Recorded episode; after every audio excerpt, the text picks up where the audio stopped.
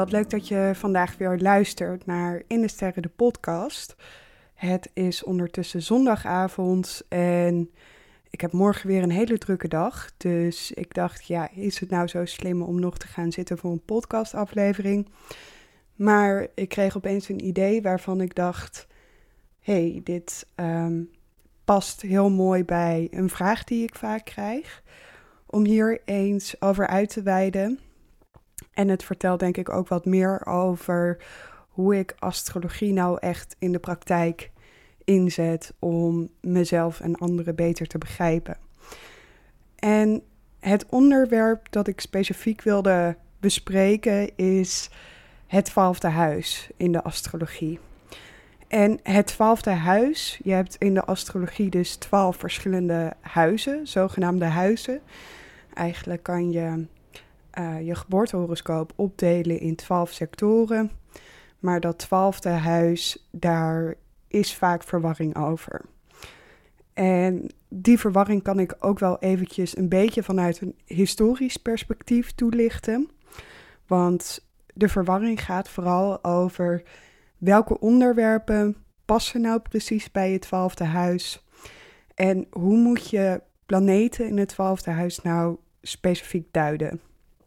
Hoe uitzicht dat nou in een persoonlijkheid?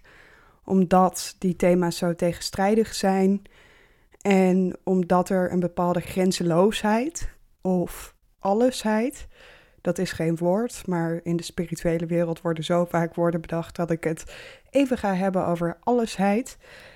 Um, hoe kan je dat nou terugbrengen in gewoon een mens en diens eigen gedrag? En als we daar een stukje astrologische geschiedenis bij pakken, dan is de verwarring niet zo heel erg gek.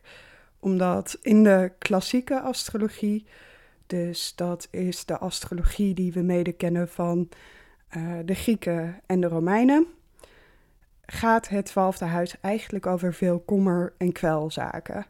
Onder andere over gevangenschap en over isolatie.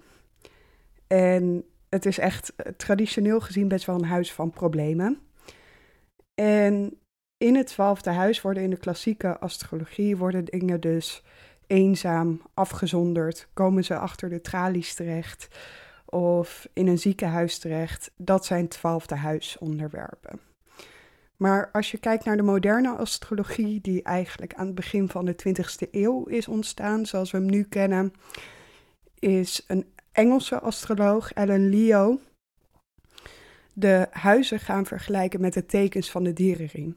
En heeft de huizen zo eigenlijk nieuwe, ja, nieuwe interpretaties gegeven. En Ellen Leo kan je echt wel zien als de grondlegger van hoe nu de meeste mensen astrologie praktiseren. Je ziet ook wel tegelijkertijd dat er in de jaren negentig echt weer een soort upheaval is geweest van de klassieke astrologie. Dus dat als je nu gaat googlen bijvoorbeeld, um, het heel snel door elkaar gaat lopen. Die klassieke definities die te maken hebben met afgescheidenheid, met isolatie, met gevangenschap. Sorry als je vliegtuigen op de achtergrond hoort. Uh, ik heb de laatste tijd een beetje last van Schiphol hier.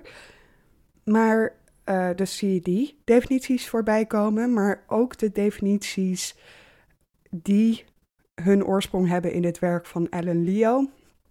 En die hebben alles te maken met het sterrenbeeld vissen. En wat is het gekke hier nou aan? Het sterrenbeeld vissen gaat juist over het opgaan in het geheel, over de realisatie dat alles één is, over, ja, over het ego heen komen. Ehm, een soort van met alles samenwerken, het collectief. Spiritualiteit wordt ook heel vaak gezien als een typisch vissenthema. Dus worden in de moderne astrologie of veel vormen van moderne astrologie al die onderwerpen bij het twaalfde huis geparkeerd.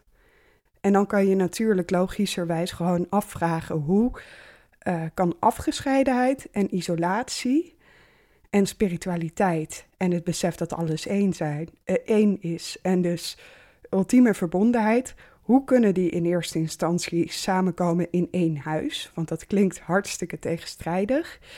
En hoe kan een huis waarin um, eigenlijk het individuele niet meer bestaat of het ego aan het ontstijgen is, hoe kan dat uitwerken ehm, op een persoonlijkheid? Nou, ik ga proberen die vragen een beetje te beantwoorden in deze podcast. Uh, het, het, lijkt wel een theoretische discussie of het lijkt wel een onderwerp waar ik een paper over zou kunnen schrijven voor mijn, uh, voor mijn studie of iets dergelijks. Maar ik wil het eigenlijk een beetje concreet voor je maken. Dus ik wil er geen super technische discussie van maken over waar Ellen Leo nou zijn bronnen vandaan hadden. En uh, als je empirische astrologie gaat beoefenen, dus als ik bij wijze van 100 mensen met een bepaalde plaatsing in het twaalfde huis zou vragen hoe zij iets ervaren, wat dan meestal het antwoord is, daar wil ik niet per se op ingaan, maar ik wil wel een voorbeeld geven van hoe bijvoorbeeld, of hoe in dit geval, de twaalfde huisplaatsingen in mijn eigen horoscoop uh, mij hebben beïnvloed en hoe die thema's doorwerken in mijn leven. En daarbij wil ik het eigenlijk ook hebben over de wond en de pijn van het twaalfde huis. Want dat is wel iets wat ik heel vaak naar voren zie komen. Het twaalfde huis blijft geen makkelijk huis uh, over het algemeen. Welke planeet je er ook in hebt staan hoor. Ja, misschien dat in Jupiter in 12 dat ik die wat minder als een uitdaging zou zien. Maar eigenlijk, het is toch ook als je een vrij neutrale planeet zoals Mercurius bij wijze van in het twaalfde huis plaatst, zie je vaak wel dat mensen gewoon tegen problemen aanlopen. En tegelijkertijd dat er altijd um, een spiritueel ontwikkelingsproces kan plaatsvinden op het moment dat je een dergelijke plaatsing hebt. En voor de mensen die toch nog even houden van het theoretische stukje, um, als je meer volgt van wat ik doe of wat ik zoal deel, dan zal je zien dat ik vaker een klassieke en een moderne benadering op deze manier combineer. Dus in Elementary los ik dit soort problemen ook graag op op deze manier. Door eigenlijk te kijken naar hoe kan je die ouderwetse of die klassieke definitie nou doen samenkomen, nou samenbrengen met die moderne definitie. Dus ook als je Elementary lucht hebt gevolgd en waarin ik het heb gehad over hoe Waterman zowel bij Uranus, de vernieuwer, als Saturnus, de conservatief, kan horen, dan herken je deze benadering wel een beetje. Maar ook als je gewoon benieuwd bent naar je eigen twaalfde huis, dan uh, hoop ik dat je hier iets aan hebt. Goed, ik heb zelf eigenlijk drie plaatsingen in het twaalfde huis. In het huizensysteem dat ik gebruik, Eagle House. Ik heb daar Mercurius staan. Ik heb Chiron staan. En ik heb mijn noordelijke maansknoop daar staan. En ook allemaal in het teken weegschaal. En ik wil het dan eerst graag even met je hebben over de pijn of de wond van die plaatsingen. En dat is bij een asteroïde als Chiron heel erg zichtbaar. Of heel erg zichtbaar, niet altijd gelijk op de oppervlakte zichtbaar, omdat het vaak ook een familiepatroon is wat erin zit. Maar bij Chiron heb je het altijd direct over een wond, als het ware. Dus is het bij Chiron wellicht net wat duidelijker dan bij een noordelijk maansknoop of uh, bij een Mercurius. En Chiron in het twaalfde huis. En Chiron dus als de kernwond waar je niet zo snel problemen op hebt. Uh, of de oplossing voor het probleem op hebt. Melanie Reinhardt heeft dat in haar boek over Chiron. Chiron en de Healing Journey, wat echt het fijne werk op dat gebied is, heeft het over de wond van afgescheidenheid.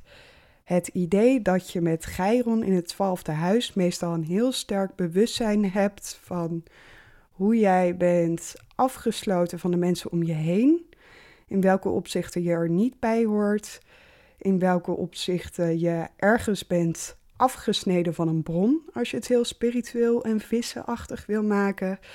En je ervaart dus een bepaalde eenzaamheid met Chiron in het twaalfde huis. En dat zie ik heel vaak ook in de praktijk bij mensen met Chiron in 12. Vooral als ze zich er nog niet super bewust mee uh, in zijn of als ze aan het begin staan van hun spirituele proces. Dat ze dat hele diepe gevoel hebben van ik zou er nooit helemaal bij horen. En dat niet alleen op het vlak hebben van bijvoorbeeld je familie of eh, je vriendengroep. Of nou ja, welke groep mensen je ook maar in verkeert op dat punt in je leven. Maar dat is een gevoel dat je met je meedraagt en dat je op iedere situatie eigenlijk opnieuw weer projecteert. Dan zeg ik projecteren omdat dat heel vaak het geval is. Soms heb je met Geiron in 12 dat je daadwerkelijk natuurlijk de pijn van uh, afgesnedenheid gaat meemaken. Dus in mijn geval um, is een van de eerste ervaringen daarmee, denk ik, um, ja, de middelbare school. En dat ik daarin al vrij snel gepest werd toen ik daar uh, op school kwam. En dat het niet alleen een soort toevalligheid was van dat ik werd gepest, maar dat ik eigenlijk sowieso gelijk al nogal een outsider was. En dat was daarvoor in mijn leven nooit zo'n probleem uh, geweest. Ik was altijd een vrij kleurrijk, uitgesproken en typisch kind met net wat andere hobby's, een andere vorm van humor, uh, een net andere manier van dingen doen dan de meeste kinderen. Gewoonweg heel kleurrijk en uitgesproken en ja, typisch, opvallend. En op de middelbare school werd dat eigenlijk een probleem voor het eerst. Dat ik merkte dat mensen dat ook heel vervelend konden vinden of daar ja, agressief op konden reageren of gewoon heel vervelend op uh, konden reageren, zoals dat dan gebeurt op die leeftijd. Dus dat was voor mij ook met mijn Geiron in 12, die ook een uh, verbinding maakt met mijn Saturnus, een oppositie. Um, nou, ik kan nu alle thema's die te maken hebben met pesten en afwijzing in mijn eigen horoscoop langsgaan, maar dat uh, lijkt me niet zo relevant voor deze keer. Dat was mijn eigen eerste concrete ervaring met afwijzing. En dat raakte iets in mij uh, dat een soort.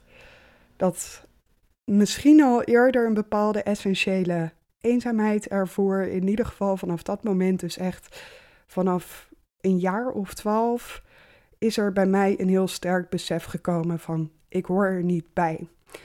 En ook in latere situaties waarin wel de gelegenheid ontstond voor mij om erbij te horen, voelde ik me altijd een soort van eenzaam en anders en afgesneden. En ik denk ook dat op het moment dat ik wel ergens bij kon horen, of op het moment dat mensen probeerden een verbinding met mij aan te gaan, toen ik later op een andere school zat, later op de universiteit, dat ik dat onbewust heel vaak heb afgekaatst. Omdat ik dacht dat er een addertje onder het gras zat, of omdat ik dingen aan mezelf die ik heel typisch vond ging uitvergroten, of mensen in hokjes ging stoppen, of voor mezelf een idee ging creëren dat mensen mij toch niet gingen begrijpen ik had op een gegeven moment echt dat beeld van die outsider. En die outsider, dat was, ja, dat zat al een beetje in mijn familie. Dat ik ook in mijn familie gewoon net een wat ander pad heb dan de meeste familieleden. En dan mijn ouders en een ander karakter en andere interesses. Daar zat het al in. Het zat op school, het zat later in vriendengroepen. En dat patroon ben ik eigenlijk onbewust gaan herhalen. Want met Geiron in het twaalfde huis zit die pijn er dus vaak wel het is aangeraakt, het is geactiveerd in je. Maar het is ook een pijn waar je zelf in vast kan blijven zitten. Door van die overtuigingen als ik zal altijd een beetje alleen zijn. Of ik kan het wel even leuk hebben, maar aan het eind van de dag gaat niemand mij echt in mijn essentie begrijpen. En dat heeft meestal niet alleen te maken met het begrijpen of het leuk hebben met mensen of een groepje hebben om bij te horen.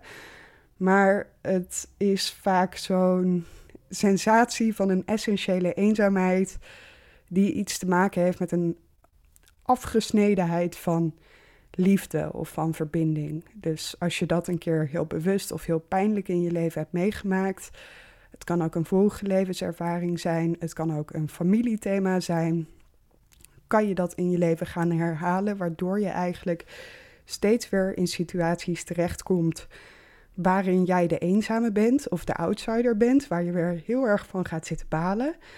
Ook met het idee in je hoofd, zie je wel, ik ben weer de outsider, ik hoor er weer niet bij. Terwijl je het soms zelf ook in stand houdt door bijvoorbeeld relaties of vriendschappen aan te gaan met mensen waarvan je al weet uh, dat ze op een gegeven moment weggaan of dat je ze in essentie niet kan vertrouwen. Dus ik weet nog dat ik op een gegeven moment in mijn studententijd, toen had ik al een aantal vriendschappen beëindigd, was ik een aantal jaar bezig met spiritualiteit. En ik merkte gewoon dat veel van mijn vriendschappen eigenlijk nogal toxic waren. Dat ze gewoon niet goed waren, wederzijds voor elkaar. Dat we elkaar in de put praten. Of uh, dat iemand nooit zijn beloftes nakwam. Of dat iemand gewoon een vervelende invloed had op me. En toen weet ik nog dat ik tegen uh, mijn vriend op dat moment zei: um, Het is alsof ik nu pas een soort van bullshit radar begin te ontwikkelen bij mensen. En ik had van tevoren eigenlijk bij deze mensen al heel goed kunnen weten dat dit niks zou worden of dat ze me wel zouden afwijzen. En hij reageerde toen nog echt van, nou, hè, hè, je hebt het eindelijk door, want ik had vanaf het begin af aan al zoiets van, dat is niet iemand uh, waar je in zee moet gaan of waar je een vriendschap mee op moet bouwen. Want sommige mensen, ja, die hebben gewoon iets over zich heen. Of daarvan kan je eigenlijk in het begin al verwachten dat ze je in de steek laten of dat ze je afwijzen. Dus ook op het moment dat jij een probleem hebt met gezonde bindingen aangaan. En dat dat iets te maken heeft met je pijn van eenzaamheid of van afgesnedenheid. Dan kan dat best te maken hebben met twaalfde huisplaatsingen. En dus ook vaak als planeten in twaalf staan, dan kan het wijzen op een afwezigheid van iets. En een afwezigheid van iets geeft natuurlijk weer dat gevoel van gemis. Van ik ben niet compleet, ik ben afgesneden, ik ben eenzaam. Dus Karen Hamaker omschrijft dat bijvoorbeeld als je het hebt over de maan in 12. Daar had ik toevallig een van deze dagen op Instagram met iemand een gesprekje over. Maan in 12 kan ook wijzen op de moeder is afwezig of de moeder is er niet in plaats van per se een moeder die bezig is met het spirituele of die een wond op een bepaald gebied heeft. Het kan ook gewoon betekenen het is er niet of het wordt dus niet gezien of het wordt niet begrepen. Dus ook als je planeten in 12 hebt staan, uh, kan je het eens vanuit die lens uh, bekijken. In welk opzicht ben jij hierin niet begrepen? En hoe zou je eventueel die verbinding weer terug kunnen zoeken? En heb je eventueel geïnternaliseerd dat jij bent afgewezen op dit vlak of dat je anders bent op dit vlak, terwijl dat helemaal niet per se uh, de volgende ervaring in de toekomst hoeft te zijn. Dus als ik nu kijk naar mijn Mercurius in het twaalfde huis. Nou, mijn Mercurius in het twaalfde huis heeft ook gewezen op stilte, afwezigheid. Ik ben heel lang heel verlegen geweest. Ook mede door gepest te zijn geweest, was ik heel zelfbewust qua alles wat ik zei en hoe ik mijn gedachten deelde. Nou, dat heeft in mijn studententijd nog heel lang geduurd. Die zelfcensuur eigenlijk. Heb je het weer dus over iets, uh, iets dat achter de tralies wordt gezet of iets wat er niet mag zijn of wat zich stil moet houden. Dat is ook Mercurius in het twaalfde huis. Maar die Mercurius in het twaalfde huis is dus tegelijkertijd alsnog naarstig op zoek naar die ervaring van verbinding, van heelheid, van ergens bij horen, van uh, op kunnen gaan in het grotere. Dus dat mijn Mercurius in 12 tegenwoordig heel enthousiast wordt van praten over spiritualiteit, maar ook praten over helingsprocessen, zodat je die afgesnedenheid niet meer hoeft te ervaren. Maar ook het, ja, het verzamelen van gelijkgestemde mensen of het delen van uniekere geluiden die misschien wel eens op afwijzing kunnen stuiten dat zijn ook Mercurius in twaalf thema's. Die kunnen ook verbindend zijn, kunnen ook spiritueel zijn, kunnen ook um, ja, heling promoten. En als je het hebt over mijn Noorderknoop in 12, dat is natuurlijk echt een hele onhandige plaats in conjunct Chiron. Of tenminste als je op zoek gaat naar een uh, geboortehoroscoop die een zo makkelijk mogelijk uh, leven of een zo makkelijk mogelijke uitdaging biedt dan wil je natuurlijk liever niet Geiron naast je Noorderknoop staan. Maar goed, dat is een grapje, want het is zoals het is. En daar ligt mijn persoonlijke les. Dus hoe kan ik dat nou afwijzen of anders willen? Daar schiet ik helemaal niks mee op. Maar voor mij zit er dus een hele belangrijke les rond die heelheid weer ervaren. En over die afwijzing en over die eenzaamheid ergens, die ook in mijn twaalfde huis vastgelegd is, daar weer overheen komen, werken met die thema's. Om weer op een nieuwe manier op zoek te gaan naar verbinding, naar samen zijn, naar het ontstijgen van het alledaagse. Dat heeft dan weer met mijn zuiderknoop in zes te maken. En dus weer eigenlijk die positieve visie erin te brengen op het twaalfde huis. Dat is in ieder geval mijn perceptie hoor. Uh, je hebt ook mensen met een noorderknoop in 12 die het uiteindelijk gewoon fantastisch, helend en leerzaam vinden om een maand lang alleen op een berg te gaan zitten mediteren. Of die gewoon heel erg houden van stilte en rust uiteindelijk om zich heen. Of daar heel veel spirituele ja, voldoening of diepgang in vinden.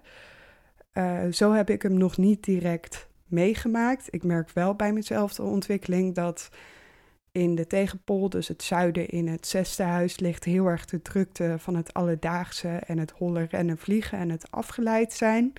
In mijn ogen dan, hè, jezelf verliezen in werk bijvoorbeeld of in nuttige dingen doen. En in 12 ligt wel het grotere plaatje, waar gaat het nu allemaal om? Gaat ook over de kwestie van verbinding, ook over de kwestie van met jezelf kunnen zijn, maar dat juist dat hele van dat afgesnedenheid en dat eenzaamheidsstuk, dat is voor mij ook een thema met mijn Noorderknoop in 12. Dus dat twaalfde huis, er ligt pijn, er liggen heel veel moeilijke thema's die niet alleen op een aardsniveau pijnlijk zijn. Je kan het natuurlijk ook associëren met de wond van afgesnedenheid die we op spiritueel vlak hebben. Het afgesneden worden van een bron, maar ook het afgesneden worden van onze moeder bijvoorbeeld, als je het psychologisch wil bekijken. Dat uh, hele traumatische moment van, van de baarmoeder moeten verlaten en geboren moeten worden. Het afgesneden gevoel dat we hebben omdat we individuen zijn en elkaar weer moeten vinden in dit leven. Nou ja, al dat soort uitdagingen liggen eigenlijk in dat twaalfde huis. Dus het is inderdaad een complex huis, maar ik hoop dat je misschien door het op deze manier te, te zien, dat je zowel de uitdaging als de mooie kanten erin vindt. Want dit is dus voor mij ook een, ja, een hele grote spirituele stimulans geweest in mijn eigen proces dat ik merkte dat die wond van afgesnedenheid en dat ik sta er alleen voor zoveel impact op me heeft gemaakt en zo drijvend was in mijn keuzes. Dat eeuwige idee van ik ben het zwarte schaap, wat ik voor mezelf maar bleef herhalen, waardoor het een self-fulfilling prophecy werd. Ehm, dat heeft mij heel veel verder in mijn groeiproces gebracht. En in dat proces zit ik soms nog steeds hoor. Nog steeds kan ik af en toe hebben van ja, maar voor mij werkt het anders. Of ja, maar uh, ik ga waarschijnlijk niet bij het groepje horen. Terwijl ik ondertussen al vaak zat het bewijs heb verzameld dat dat wel het geval gaat zijn. Maar goed, Geiron kan ook iets zijn wat je met je mee blijft uh, dragen, natuurlijk. En niet iets wat altijd gelijk in één generatie wordt opgelost. Mocht je daar meer over willen weten, dan kan je ook even mijn, uh, een van mijn oudere afleveringen over Geiron aanklikken. Goed, ik ben heel benieuwd naar wat jij van deze aflevering vond. Of je twaalfde huisplaatsingen hebt. En ja, je bent altijd vrij om uh, je gedachten met me te delen, bijvoorbeeld via Instagram. En ik ben benieuwd of je zo'n reflectie op een astrologisch thema, waarin ik een stukje geschiedenis, een stukje theorie en een stukje persoonlijk meeneem, of je dat waardevol vindt. En dan hoop ik je weer te zien bij de volgende aflevering.